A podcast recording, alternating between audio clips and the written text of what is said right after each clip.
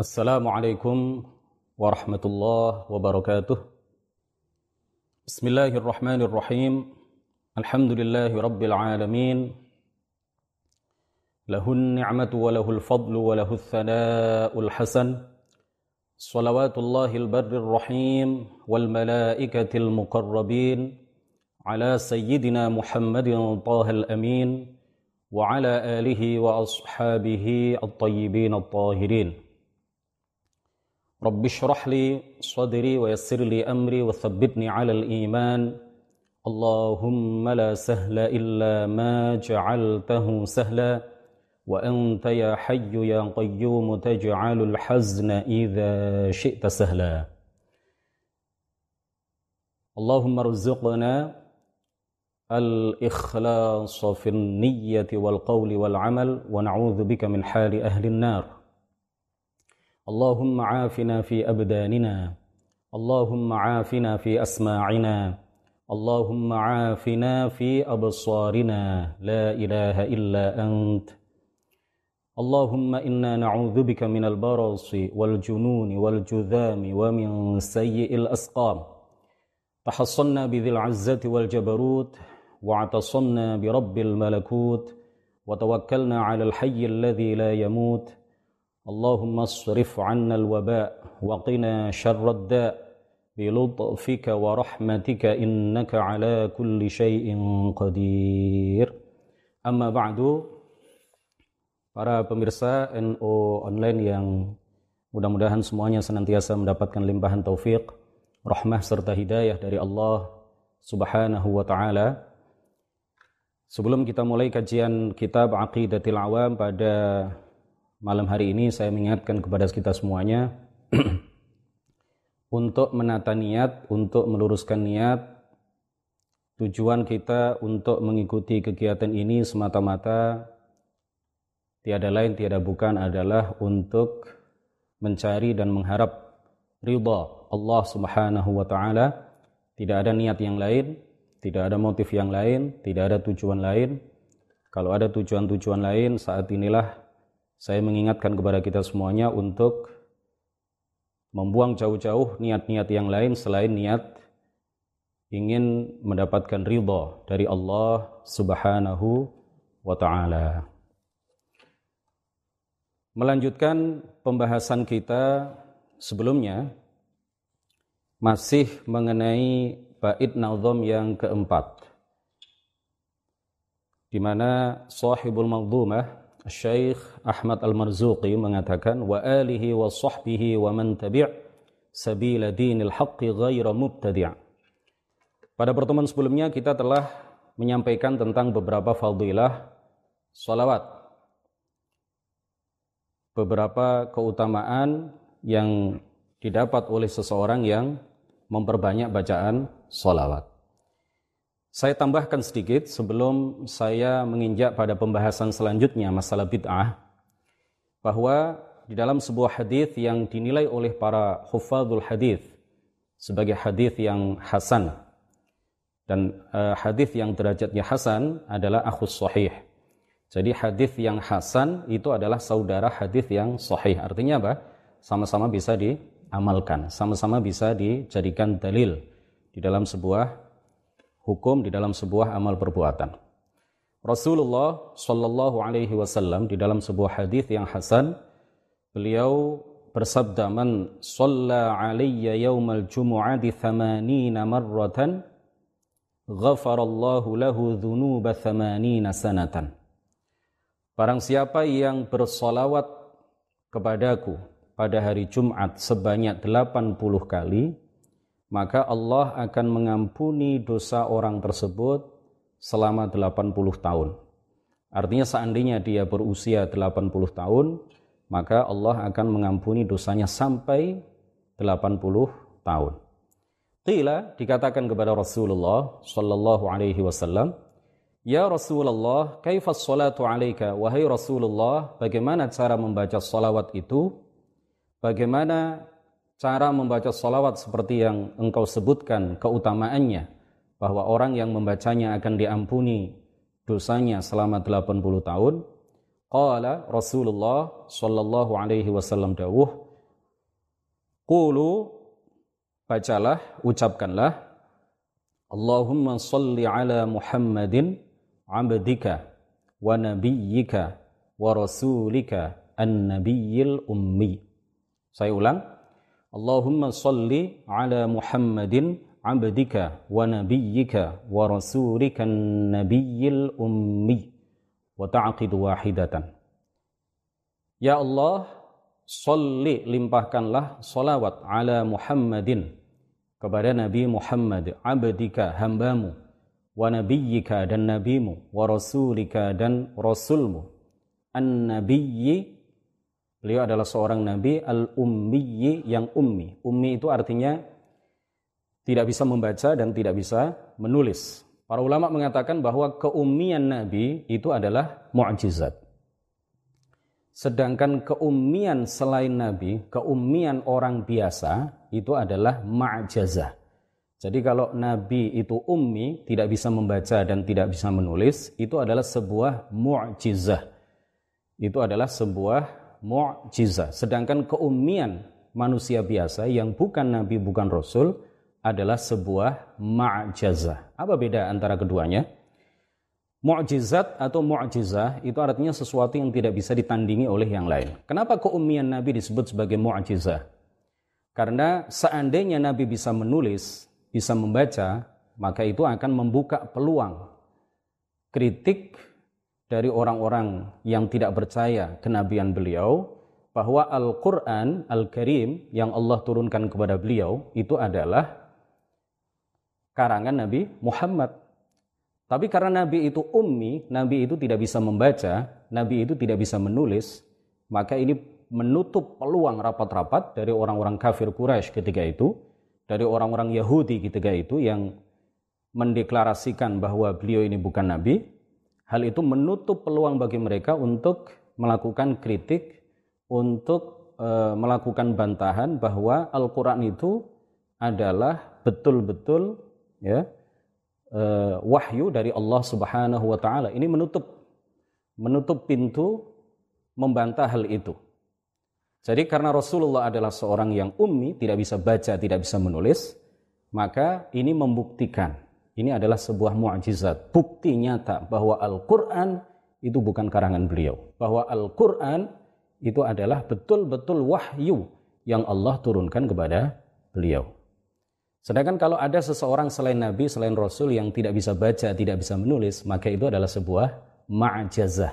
Ma'jazat. Jadi ma'jazah itu artinya ya, eh, apa? Artinya adalah ajaz. Artinya adalah sebuah kelemahan. Jadi Rasulullah mengajarkan kepada kita sebuah solawat dengan lafat Allahumma salli ala Muhammadin abdika wa nabiyyika wa rasulikan nabiyyil ummi ini kita baca pada hari Jumat ya, pada asar hari Jumat kita baca sebanyak 80 kali. Fadilahnya apa? Fadilahnya adalah dosa-dosa kita selama 80 tahun akan diampuni oleh Allah Subhanahu wa taala. Hadis ini dinilai hasan oleh para ulama, diriwayatkan oleh Imam Ad-Darqutni. Hadis ini dinilai hasan oleh Misalkan ya, ada banyak ulama yang menilai hadis ini hasan, di antaranya adalah Imam Ibnu Nu'man. Kemudian juga Al-Hafidh Al-Iraqi. Ya. Coba ya, panjenengan kalau ada orang yang tidak percaya mengenai hadis ini, coba dilihat kitab misalkan Al-Qaulul Badi' halaman 400 ya, karangan As-Sakhawi. Begitu juga di dalam hadis ini disebutkan di dalam An-Nafhatul Ilahiyah fi salati ala khairil bariyah karangan As-Sayyid uh, Al-Ghumari. Hadirin para pemirsa NO online yang mudah-mudahan semuanya dirahmati oleh Allah Subhanahu wa taala. Kemudian kita membahas tentang perkataan sahibul manzumah ghaira mubtadi'. Jadi orang-orang yang mendapatkan uh, apa namanya didoakan supaya Allah Subhanahu wa taala melimpahkan solawat serta salam kepada Rasulullah kepada para sahabatnya, kepada keluarganya, ya, kepada keluarganya, kepada para sahabatnya, dan kepada orang-orang yang mengikuti beliau yang bukanlah kalangan ahli bid'ah.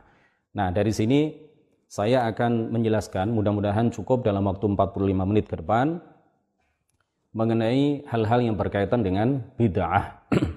Karena bid'ah ini sering kali menjadi tema sentral orang-orang yang menyerang amaliyah-amaliyah NO untuk mengatakan kepada kita untuk memberikan label kepada kita bahwa kita ini adalah pengamal bid'ah. Mereka selalu berkuar-kuar di luar sana bahwa orang-orang NO yang gemar tahlilan, gemar ziarah ke makam para wali, gemar melakukan peringatan maulid Nabi, gemar istighatha, gemar tradisi-tradisi yang sudah eh, selama ini mendarah daging di kalangan Nahdliyin, di kalangan orang-orang NU itu semuanya sebagai uh, bid'ah ya sebagai bid'ah-bid'ah yang dhalalah yang sesat dan setiap kesesatan itu kata mereka akan mengantarkan kepada neraka. Hadirin rahimakumullah bid'ah itu secara bahasa adalah ma uhditha ala ghairi mithalin sabiq. Sesuatu yang diadakan tanpa ada contoh sebelumnya. Jadi secara bahasa, sesuatu yang baru sama sekali, yang belum ada contoh sebelumnya, itu adalah bid'ah. Nah mungkin COVID-19 ini bisa dikategorikan sebagai virus yang bid'ah. Karena menurut para peneliti di LIPI, sebagaimana diberitakan di beberapa eh, apa kanal berita atau di situs berita terpercaya, di CNN, di detik.com, dan lain sebagainya, termasuk di NO online bahwa COVID-19 ini adalah virus yang sama sekali baru. Jenis virus corona yang betul-betul baru dan tidak ada unsur kesamaan sama sekali dengan virus-virus sebelumnya. Nah ini ini adalah bid'ah secara bahasa. Jadi bid'ah secara bahasa itu adalah sesuatu yang diadakan tanpa ada contoh sebelumnya. Sedangkan secara syarak, Al-Imam Abdullah Al-Haruri di dalam salah satu karya beliau yang berjudul Sorihul Bayan fi raddi ala man khalaf al-Quran mendefinisikan bid'ah itu secara istilah adalah al-muhdatsu alladhi lam yanussu alaihi al-Quran wa la jaa fi sunnah. Sesuatu yang baru yang tidak terdapat secara eksplisit atau secara tertulis atau secara nas baik di dalam Al-Qur'an maupun maupun hadis. Nah, Ibnul Arabi salah seorang ulama mengatakan laisatil bid'atu wal muhdatsu madhmumaini li bid'atin wa muhdatsin wala ma'naihima wa innama yudhammu minal bid'ati ma yukhalifu sunnah wa yudhammu minal muhdatsati ma ila ad-dhalalah perkara baru atau bid'ah ya atau muhdats disebut juga bid'ah atau muhdats Artinya adalah sesuatu yang tidak ada dalam Al-Quran, sesuatu yang tidak ada dalam hadis, sesuatu yang tidak pernah dilakukan oleh Rasulullah, sesuatu yang tidak pernah dilakukan pada masa Rasulullah, sesuatu yang tidak pernah dilakukan oleh para sahabat, sesuatu yang tidak pernah dilakukan pada masa sahabat. Ini adalah bid'ah. Kata beliau, kata Ibnul Arabi, perkara bid'ah itu tidak dicela karena secara bahasa disebut bid'ah. Jadi bid'ah dicela itu bukan karena disebut bid'ah ya atau secara maknanya melainkan bid'ah yang dicela adalah yang menyalahi sunnah dan muhdath yang dicela adalah yang mengajak kepada kesesatan. Jadi menurut uh, beliau dan juga menurut para ulama yang lain, bid'ah yang sesuai dengan Al-Quran dan Hadis, sesuatu itu meskipun tidak pernah dilakukan oleh Rasulullah, tidak pernah dilakukan pada masa sahabat, tidak pernah dilakukan pada masa Rasul, pada masa sahabat, Meskipun hal itu tidak pernah dilakukan oleh mereka atau di zaman mereka tidak pernah dilakukan, tetapi kalau memang sesuai dengan keumuman dalil-dalil Al-Quran, sesuai dengan keumuman dalil-dalil hadis, tidak bertentangan dengan Al-Quran dan hadis, maka apa yang tidak pernah dilakukan pada masa mereka itu atau apa yang tidak pernah dilakukan oleh mereka itu bukanlah bid'ah yang sesat. Oleh karena itulah para ulama membagi bid'ah itu menjadi dua, ada bid'ah yang dolalah ya, dan ada bid'ah yang hasanah. ada bid'ah yang sayyi'ah atau disebut juga sunnah sayyi'ah dan ada juga yang disebut dengan bid'ah hasanah atau sunnah hasanah atau biasa juga disebut sebagai bid'atu huda.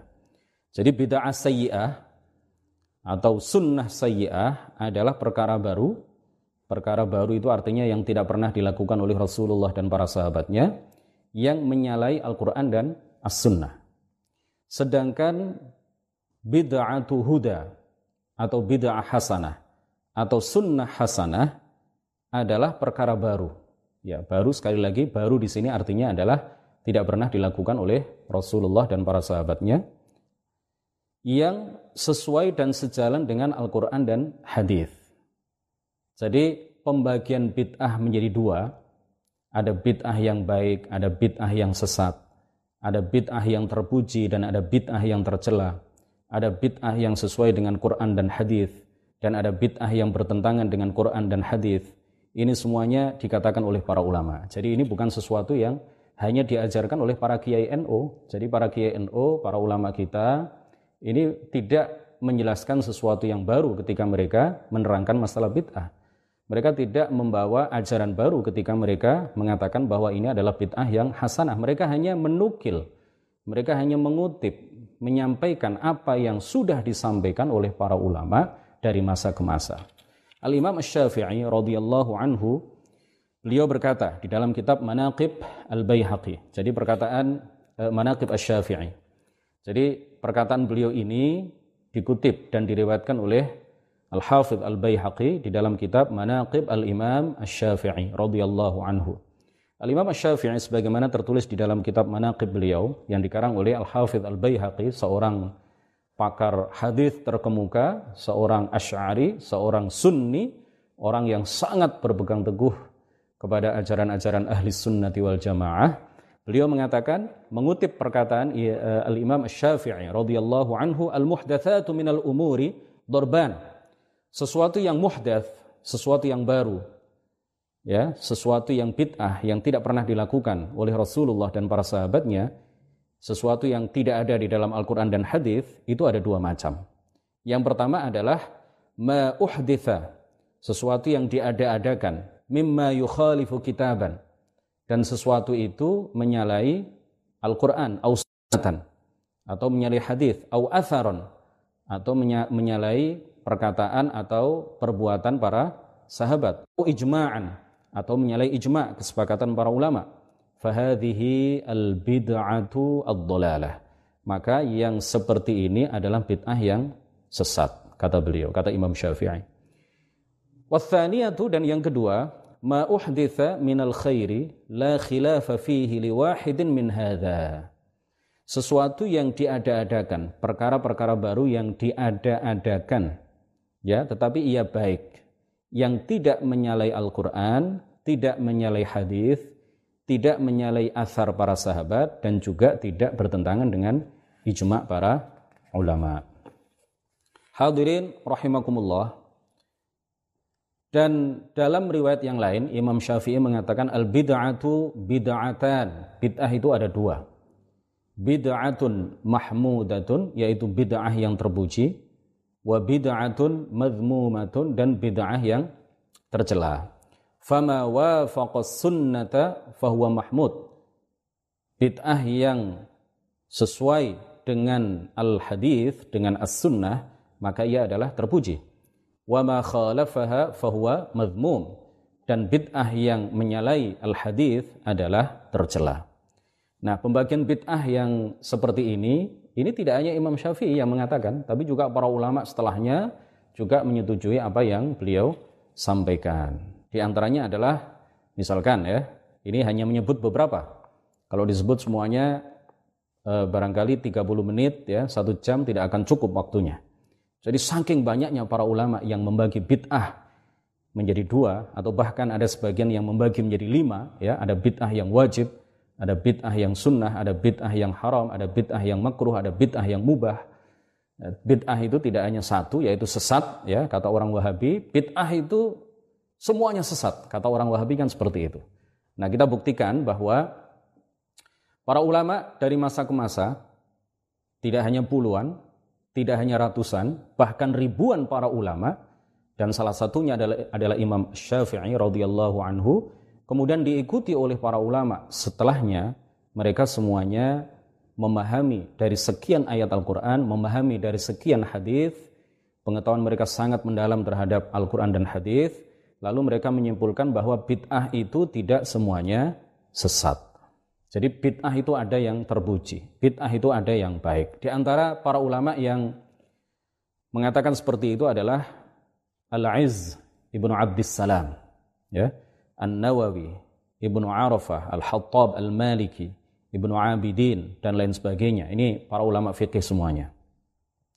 Kemudian dari kalangan para ahli hadis dan tafsir misalkan Ibnu Al-Arabi Al-Maliki, Al-Qurtubi, Ibnu Al-Athir, Al-Hafiz, Ibnu Hajar, Badruddin Al-Aini, As-Sakhawi, As-Suyuti, dan masih banyak lagi yang lain. Bahkan para ahli bahasa juga mengatakan hal yang sama. Tidak semua bid'ah itu sesat. Ada bid'ah-bid'ah tertentu itu yang masuk kategori sebagai bid'ah yang terpuji, sebagai bid'ah yang sesuai dengan Al-Quran dan Hadis. Di antara para ahli bahasa itu adalah Al-Fayyumi, Al-Fayruz Zabadi, ya, dan Az-Zabidi. Al-Fayruz Zabadi ini adalah pengarang kitab Al-Qomus, ya. Pengarang kitab apa? Al-Qomus, Al-Qomusul Muhid. Nah, ini ada ada satu faidah bagi kita semuanya bahwa Al-Qomus itu sebenarnya adalah nama sebuah kitab yang memuat penjelasan tentang kosakata dari Arab ke Arab. Jadi lafaz tertentu, kata tertentu dijelaskan oleh beliau, disusun sedemikian rupa, kemudian jadilah sebuah kitab yang menjelaskan tentang kosakata bahasa Arab, kemudian diberi judul Al-Qomus. Nah, setiap kitab setelah Al-Qomus ini, setiap kitab yang dikarang oleh penulisnya untuk menjelaskan kosakata-kosakata dalam bahasa Arab itu kemudian disebut Al-Qomus, disebut Qomus kemudian dialih bahasakan ke dalam bahasa Indonesia menjadi kamus. Jadi ketika kita menyebut kitab yang menjelaskan tentang kosa kata bahasa Arab dengan kamus atau dengan komus itu sebenarnya adalah menyebut merek. Itu sama dengan apabila kita menyebut misalkan setiap eh, apa namanya setiap pompa air itu disebut sebagai sanyo, itu kan menyebut merek. Setiap aqua, eh, setiap air mineral kemudian disebut sebagai aqua. Nah, itu kan menyebut merek. Nah, ini juga begitu. Jadi sebenarnya dalam bahasa Arab yang fasih ya, bahasa Arab yang dipakai oleh orang-orang Arab terdahulu di masa-masa awal, sebuah kitab yang menjelaskan tentang kosakata bahasa Arab itu bukan komus namanya, tetapi mu'jam. Nah, komus ini adalah apa nama sebuah kitab yang menjelaskan tentang kosakata bahasa Arab kemudian menjadi e, sebutan untuk setiap mu'jam yang dikarang oleh para ulama yang menjelaskan tentang kosakata. Jadi komus itu artinya adalah lautan sebenarnya. Al-Qomusul Muhid, lautan yang dalam. E, samudra yang yang dalam. Sebenarnya begitu ya. Tetapi ini sudah menjadi bahasa kita semuanya sehingga sampai dalam bahasa Indonesia pun setiap mu'jam, setiap kitab yang menjelaskan tentang kosa kata bahasa Arab itu kemudian disebut komus atau kamus. Hadirin para pemirsa NO online yang dirahmati oleh Allah Subhanahu wa taala. Kemudian pembagian bid'ah menjadi dua, ini juga sebenarnya bisa dipahami dari hadis sahih yang diriwayatkan oleh Imam Al-Bukhari dan Imam Muslim di mana Rasulullah Shallallahu alaihi wasallam bersabda, "Man ahdatha fi amrina hadza ma laysa minhu fahuwa raddun." Barang siapa yang ahdatha mengada-adakan fi amrina hadza di dalam syariat kita, di dalam perkara kita ini yaitu syariat kita. Ma laysa minhu sesuatu yang bukan bagian darinya atau sesuatu yang bertentangan dengannya fahuwaruddun maka dia tertolak. Nah dari lafat hadis yang menyatakan eh, ma laysa minhu maka kemudian para ulama menjelaskan mafhumul mukhalafahnya bahwa barang siapa yang mengada-adakan sesuatu di dalam syariat, barang siapa yang mengada-adakan sesuatu di dalam agama Islam, sesuatu yang merupakan bagian darinya, sesuatu yang tidak bertentangan dengannya, mahuwa minhu, sesuatu yang memang sesuai dengan Al-Quran dan Hadis, sesuai dengan syariat, fahuwa makbulun, maka ia di, diterima. Inilah yang kemudian dipahami oleh para ulama bahwa bid'ah itu tidak hanya sesat, tidak semuanya sesat, tetapi ada juga bid'ah yang baik, ada bid'ah yang terpuji, ada bid'ah yang hasanah.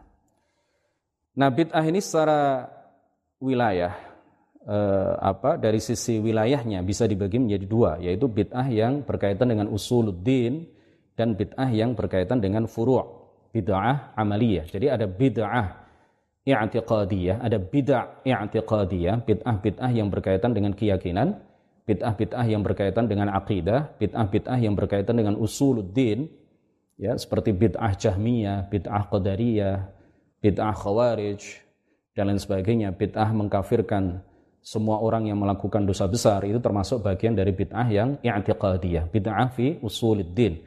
Dan ada bid'ah yang amaliyah, ya. ada bid'ah yang berkaitan dengan furu' yang disebut dengan bid'ah uh, amaliyah. Hadirin rahimakumullah. Kemudian para ulama menyebutkan beberapa dalil yang berkaitan dengan bid'ah hasanah.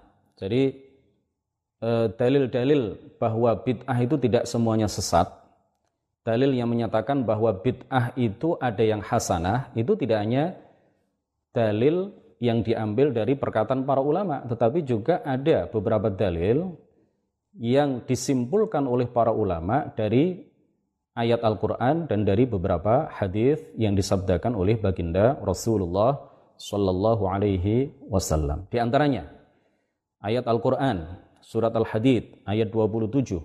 Allah Subhanahu wa taala berfirman, "Waja'alna fi qulubil ladzina ittaba'uhu ra'fatan wa rahmah." Dan kami jadikan dalam hati orang-orang yang mengikuti Nabi Isa rasa santun dan kasih sayang. Warahbaniyatan ibtada'uha ma katabnaha 'alaihim illa ibtigha'a ridwanillah dan mereka mengada-adakan rohbaniyah. Padahal kami tidak mewajibkan kepada mereka rohbaniyah itu, tetapi sengaja mereka mengada-adakan rohbaniyah itu semata-mata karena ingin mengharap dan mencari ridho dari Allah Subhanahu wa taala. Ayat ini kata para ulama menunjukkan bahwa bid'ah itu ada yang hasanah, bid'ah itu ada yang baik. Jadi Nabi Isa alaihi salam tidak pernah mengajarkan kepada para pengikutnya yang beragama Islam ketika itu untuk melakukan rohbaniyah. Jadi sebagaimana kita tahu bahwa semua nabi membawa agama yang sama yaitu agama Islam. Sebagaimana disabdakan ditegaskan oleh baginda Rasulullah Shallallahu alaihi wasallam di dalam sebuah hadis riwayat Al-Bukhari dan lain sebagainya, hadis sahih bahwa Al-anbiya'u ikhwatun li'allat. Para nabi itu adalah saudara-saudara, bagikan saudara-saudara satu ayah beda ibu. Dinuhum wahidun wa ummahatuhum syatta. Agama mereka sama, yaitu agama Islam, wa ummahatuhum syatta. Dan ibu-ibu mereka atau syariat-syariat mereka berbeda-beda. Nah, mengenai agama para nabi, bahwa Eh, seluruh nabi membawa agama yang sama yaitu membawa membawa agama Islam ini insya Allah akan kita jelaskan secara detail. Insya Allah akan kita jelaskan secara panjang lebar di beberapa pertemuan yang akan datang. Sekarang kita fokus ke e, bid'ah ya. Ayat ini menjelaskan kepada kita bahwa Nabi Isa tidak pernah memerintahkan kepada para pengikutnya untuk melakukan rohbaniyah. Apa itu rohbaniyah? Rohbaniyah itu artinya adalah menjauhi syahwat. Sampai-sampai tidak menikah, ya, tidak punya anak. E, mereka ingin konsentrasi penuh di dalam melakukan ibadah. Beberapa pengikut Nabi Isa melakukan rohbaniyah ini meskipun Allah Subhanahu wa taala tidak pernah mewajibkan itu kepada mereka. Meskipun Nabi Isa alaihi salam sebagai nabi dan rasul yang mereka ikuti ajarannya itu tidak pernah mewajibkan hal itu kepada mereka. Tetapi merekalah yang berinisiatif untuk melakukan rohbaniyah, menjauhi syahwat, tidak menikah, tidak mau disibukkan dengan pernikahan, tidak mau disibukkan dengan urusan istri, tidak mau disibukkan dengan urusan anak, tidak mau disibukkan dengan urusan mencari nafkah untuk keluarga, demi konsentrasi penuh melakukan ibadah. Nah, apa yang mereka lakukan ini adalah bid'ah. Kenapa? Karena memang tidak pernah diperintahkan oleh Nabi Isa. Tidak ada wahyu dari Allah ketika itu yang menyuruh mereka melakukan itu. Akan tetapi Allah Subhanahu wa taala memuji mereka. Memuji mereka di dalam surat Al-Hadid ayat 27.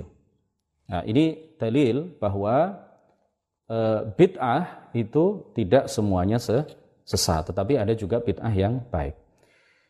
Dari hadis banyak sekali dalil-dalil yang menunjukkan kepada kita semuanya bahwa bid'ah itu tidak semuanya sesat, tetapi ada juga bid'ah yang yang baik.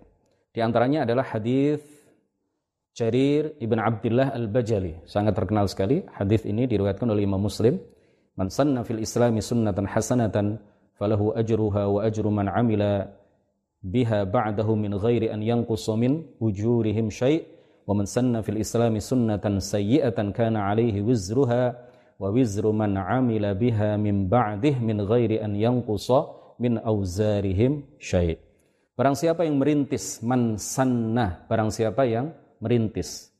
Barang siapa yang memulai fil islami dalam Islam sunnatan hasanatan, perkara yang baik. Falahu ajruha, maka baginya pahala perbuatan yang baik itu wa ajru man amila biha ba'dah. Dan dia juga akan mendapatkan kiriman pahala dari orang-orang yang melakukan kebaikan itu setelahnya. Min ghairi an yanqusa min ujurihim syai' tanpa mengurangi sedikit pun pahala orang-orang yang mengikuti perbuatan baik itu setelahnya. Wa man sanna fil islami sunnatan sayyi'atan dan barang siapa yang merintis memulai sebuah perbuatan yang buruk kana alaihi wizruha maka dia akan menanggung dosanya. Wa wizru man amila biha mim ba'dih dan dia juga akan ditimpakan kepadanya dosa-dosa orang yang mengikuti perbuatan buruk yang dia mulai yang dia rintis itu min ghairi an yanqusa min auzarihim syai' tanpa mengurangi sedikit pun dosa-dosa mereka. Jadi ini luar biasa ya, luar biasa berat. Kalau yang pertama luar biasa baik ya. Luar biasa eh, enak. Tapi kalau yang kedua itu luar biasa berat sekali tanggungannya. Kenapa? Karena orang seperti Qabil Qabil membunuh Habil dan dia adalah orang yang melakukan pembunuhan pertama kali di muka bumi tidak ada kasus pembunuhan sebelum pembunuhan yang dilakukan oleh Qabil kepada saudaranya sendiri yang bernama Habil karena Qabil ini adalah orang yang pertama kali merintis, memulai perbuatan dosa, perbuatan buruk yang berupa pembunuhan, maka dia menanggung dosanya. Kemudian kalau ada orang-orang yang kemudian mengikuti dosa yang dia lakukan, lalu melakukan hal yang sama, dosa yang sama yang dia lakukan, maka orang-orang yang melakukan perbuatan membunuh setelah Qabil mereka juga akan menanggung dosanya dan Qabil juga menanggung dosa mereka. Artinya Qabil itu terus akan mendapatkan kiriman dosa. Setiap kali ada orang yang membunuh, maka Qabil mendapatkan kiriman dosa. Karena dialah orang yang pertama melakukan pembunuhan di atas muka muka bumi. Hadirin rahimakumullah. Coba kita fokus ke redaksi man sanna ya. Man sanna fil islami sunnatan hasanatan. Barang siapa yang memulai, barang siapa yang merintis perbuatan yang baik di dalam Islam. Jadi ini tidak tidak harus dipertentangkan dengan hadis-hadis lain yang mengatakan eh, yang menyatakan atau yang yang menganjurkan kepada kita semuanya untuk berpegang teguh kepada sunnah atau menghidupkan sunnah. Karena ini konteksnya beda.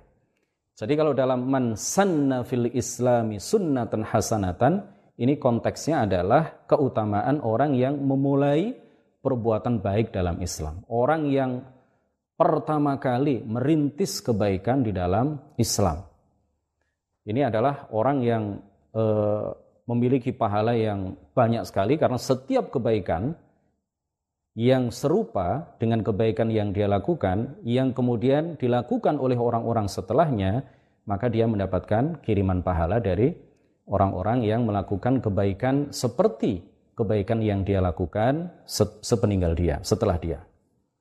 Jadi kata-katanya adalah apa? Sanna, bukan tamassaka.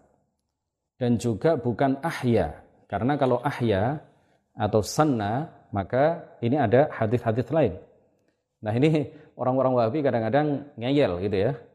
Kata mereka, kata sebagian dari mereka, Eh, yang menolak adanya bid'ah hasanah, sebagian Wahabi itu mengatakan apa? Man sanna fil islami, sanna di sini artinya adalah menghidupkan sunnah. Jadi sunnahnya sudah ada, tinggal dihidupkan. Atau sunnahnya itu sudah ada, sudah dilakukan oleh Rasulullah. Kemudian arti dari sanna di sini adalah apa? Berpegang teguh. Nah ini ditolak oleh para ahli hadis seperti An Nawawi dan lain sebagainya. Ya Muhyiddin ibn Syaraf An Nawawi di dalam Syarah Sahih Muslim menjelaskan bahwa sanna yang ada di dalam hadis ini dan, juga para ulama yang tidak hanya beliau. Sanna yang ada dalam hadis ini artinya adalah memulai perkara baru, merintis sebuah perkara baik yang betul-betul baru yang tidak ada dalam Al-Quran dan hadis yang tidak pernah diperintahkan oleh Allah dan Rasulnya, tidak pernah dilakukan oleh Rasulullah, tidak pernah dilakukan uh, oleh misalkan para sahabat, ya ini adalah perkara yang betul-betul baru yang baik dalam Islam. Jadi di sini timbangannya adalah apa? Standarnya adalah sesuai dengan Al-Quran dan Hadis. Nah, terus siapa yang menyesuaikan itu dengan Al-Quran dan Hadis? Siapa yang mengatakan bahwa ini sesuai dengan Quran dan Hadis? Ini tidak sesuai dengan Quran, ya, uh, Quran dan Hadis? Ya, yang jelas adalah para para ulama, bukan sembarang bukan sembarang orang.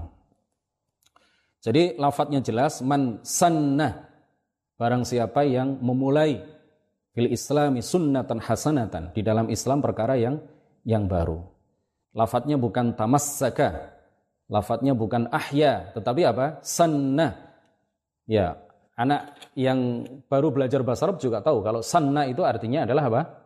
Memulai merintis. Ya bukan berpegang teguh dan juga bukan apa? E, menghidupkan. Kemudian dalil yang kedua Sebagaimana tadi sudah kita jelaskan adalah hadis yang diriwayatkan oleh Imam Muslim dari Sayyidah Aisyah radhiyallahu anha bahwa Rasulullah shallallahu alaihi wasallam bersabda tidak hanya Imam Muslim tapi juga Imam Bukhari meriwayatkan hadis ini. Man ahdatha fi amrina hadza ma laysa minhu fahuwa raddun. Jadi Rasulullah shallallahu alaihi wasallam mengatakan apa? Man ahdatha fi amrina hadza ma laisa minhu. Barang siapa yang mengada-adakan sesuatu yang baru di dalam syariat Islam, di dalam agama ini, sesuatu yang bukan bagian darinya, artinya sesuatu yang bertentangan dengannya, maka dia ter, tertolak. Kemudian dalil yang ketiga, banyak sekali dalilnya. Sayyidina Umar Ibnul Khattab radhiyallahu anhu dengan tegas mengatakan ada bid'ah yang hasanah ketika beliau mengatakan ni'mal bid'atu hadhihi di dalam satu riwayat ni'matil bid'atu hadhihi ketika beliau melihat para sahabat ya umat Islam di Madinah ketika itu melakukan sholat tarawih berjamaah sebanyak 20 rakaat di belakang satu imam yang bernama Ubay bin Ka'ab. Karena Ubay bin Ka'ab adalah orang yang paling bagus bacaannya di dalam Al-Quran sebagaimana yang disabdakan oleh baginda Rasulullah di dalam sebuah hadis hukum Ubay. Orang yang paling pandai baca Al-Quran di antara kalian di antara para sahabat semuanya adalah Ubay bin bin Ka'ab ketika Sayyidina Umar melihat para sahabat semuanya uh, di Madinah ketika itu sholat tarawih di belakang uh, Sayyidina Ubay bin uh, Ka'ab Lalu Sayyidina Umar mengomentari hal itu dengan mengatakan apa? Ni'mal bid'atu hadhihi. Sebaik-baik bid'ah adalah ini. Jadi beliau mengatakan bahwa itu adalah bid'ah karena memang tidak pernah dilakukan sebelumnya. Tidak pernah dilakukan oleh Rasulullah, tidak pernah dilakukan pada masa Rasulullah, bahkan juga tidak pernah dilakukan oleh Abu Bakar, tidak pernah dilakukan pada masa Abu Abu Bakar. Beliaulah orang yang pertama kali melakukan itu, menganjurkan itu, memerintahkan para sahabat untuk melakukan itu. Makanya kemudian beliau mengatakan apa? Ni'mal bid'atu hadhihi. Sebaik-baik bid'ah adalah adalah ini. Kemudian Sayyidina Umar sendiri itu diriwayatkan oleh Imam Muslim, beliau menambah-nambahkan lafaz talbiyah. Kalau lafaz talbiyah yang biasa kita hafal itu yang warid dari Rasulullah, tetapi talbiyah ala Umar versi Umar itu ada sedikit perbedaan. Dan itu beliau tambahkan sendiri. Beliau mengatakan apa? labbaik Allahumma labbaik. Ditambahi apa? Wa sa'daik. Wal khairu fi yadaik. Wal raghba'u ilaik. Wal amal ilaika wal amal. Ya ini berbeda dengan apa yang diajarkan oleh baginda Rasulullah sallallahu alaihi wasallam kemudian Abdullah ibnu Umar menambahkan lafaz tasyahud dari yang sudah diajarkan oleh Rasulullah lafaz tasyahud yang biasa dalam salat itu adalah apa? Asyhadu an la ilaha illallah wa asyhadu anna Muhammadar Rasulullah. Tetapi Abdullah ibnu Umar ya, laki-laki soleh, sahabat yang salah satu apa ulama di kalangan sahabat, beliau mengatakan, beliau menambahkan lafaz tasyahud itu tidak hanya sampai illallah, tetapi beliau tambahkan wahdahu la syarikalah. Asyhadu an la ilaha illallah wahdahu la syarikalah. Padahal ini tidak pernah diajarkan oleh Rasulullah Shallallahu Alaihi Wasallam dan ini adalah sesuatu yang ditambah-tambahkan oleh beliau sendiri. Nah, ini adalah bid'ah, ya. Tetapi ini adalah bid'ah yang hasanah. Kenapa? Karena tidak bertentangan dengan Al-Quran dan dan hadis.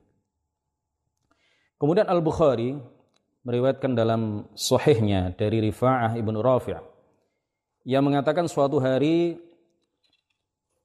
kami para sahabat berjamaah di belakang Rasulullah Shallallahu Alaihi Wasallam ketika beliau mengangkat kepalanya setelah ruku' beliau membaca Sami Allahu liman hamidah. Lalu ada seorang makmum, salah seorang sahabat yang membaca dengan suara agak keras sehingga terdengar oleh Rasulullah dan para makmum yang lain, para sahabat yang lain. Bacaan ketika i'tidal itu berbeda dengan apa yang diajarkan oleh Rasulullah kepada para sahabat ketika itu. Makmum ini mengatakan apa? Rabbana walakal hamdu hamdan kathiran tayyiban mubarakan fih. Ketika sudah selesai sholat, kemudian Rasulullah bertanya, siapa tadi yang membaca itu? Lalu orang yang membaca doa i'tidal dengan doa yang tidak pernah diajarkan oleh Rasulullah tadi mengatakan, ana ya Rasulullah. Lalu Rasulullah mengatakan apa? Ra'aitu bid'atan wa thalathina malakan yabtadirunaha ayyuhum yaktubuha awal. Saya tadi melihat lebih dari 30 malaikat berlomba-lomba untuk menjadi yang pertama mencatat apa yang kamu baca. Artinya Rasulullah tidak mengingkari sahabat Nabi yang membaca doa i'tidal dengan lafad doa atau lafad zikir yang lafaz bacaan yang sama sekali tidak pernah diajarkan oleh Rasulullah. Tidak ada dalam Quran, tidak ada dalam hadis. Dia menambah-nambahkan sesuatu yang baru, dia mengada-adakan sesuatu yang baru yang tidak pernah dijelaskan di dalam Al-Quran dan hadis. Rasulullah tidak ingkar. Rasulullah tidak menegur orang itu sama sekali. Untuk pertemuan kita pada malam hari ini, insya Allah cukup ya waktunya masih panjang, jadi karena kita tidak dikejar dengan target kurikulum, ya tidak ada target kurikulum, tidak seperti kuliah, eh, tidak seperti di sekolah, jadi kita santai saja. Pembahasan bid'ah ini mungkin akan kita lanjutkan pada pertemuan berikutnya. Kita masih pada bait nazam yang keempat. Wa alihi wa sahbihi wa man tabi' sabila dinil haqqi ghaira mubtadi' e, tidak apa-apa, waktu masih panjang insya Allah. E, mudah-mudahan Allah subhanahu wa ta'ala senantiasa menganugerahkan kepada kita semuanya kemampuan untuk berbuat baik, ya, kemampuan untuk berbuat taat, kita diberi anugerah motivasi yang tinggi, semangat yang membaca di dalam belajar ilmu agama. Karena Rasulullah Shallallahu Alaihi Wasallam menegaskan, "Man yuridillahu bihi khairan yufaqihu fid din." Barang siapa yang Allah kehendaki kebaikan pada dirinya, maka Allah akan memudahkan jalan baginya untuk belajar ilmu agama, untuk memperdalam ilmu agama. Jadi salah satu tanda utama, salah satu tanda utama pada diri seseorang bahwa Allah menghendaki kebaikan pada dirinya adalah bahwa orang tersebut selalu punya motivasi, selalu punya semangat di dalam menambah wawasan ilmu keagamaan. Dan ilmu yang kita kaji saat ini adalah ilmu agama yang paling mulia, yaitu ilmu tauhid, ilmu akidah, ilmu yang menjelaskan tentang ketuhanan, tentang kenabian, ilmu yang menjelaskan tentang keimanan kepada Allah Subhanahu wa taala, keimanan kepada Rasulullah sallallahu alaihi wasallam. Mudah-mudahan manfaat, barokah. Akhirul kalam Subhanakallahumma wa bihamdik asyhadu an la ilaha illa anta astaghfiruka wa atubu ilaik. La ilaha illallah. Allahumma salli ala sayyidina Muhammad wa ala alihi wa sahbihi wa sallim. ربي اغفر لي ولوالدي وللمؤمنين والمؤمنات والسلام عليكم ورحمة الله وبركاته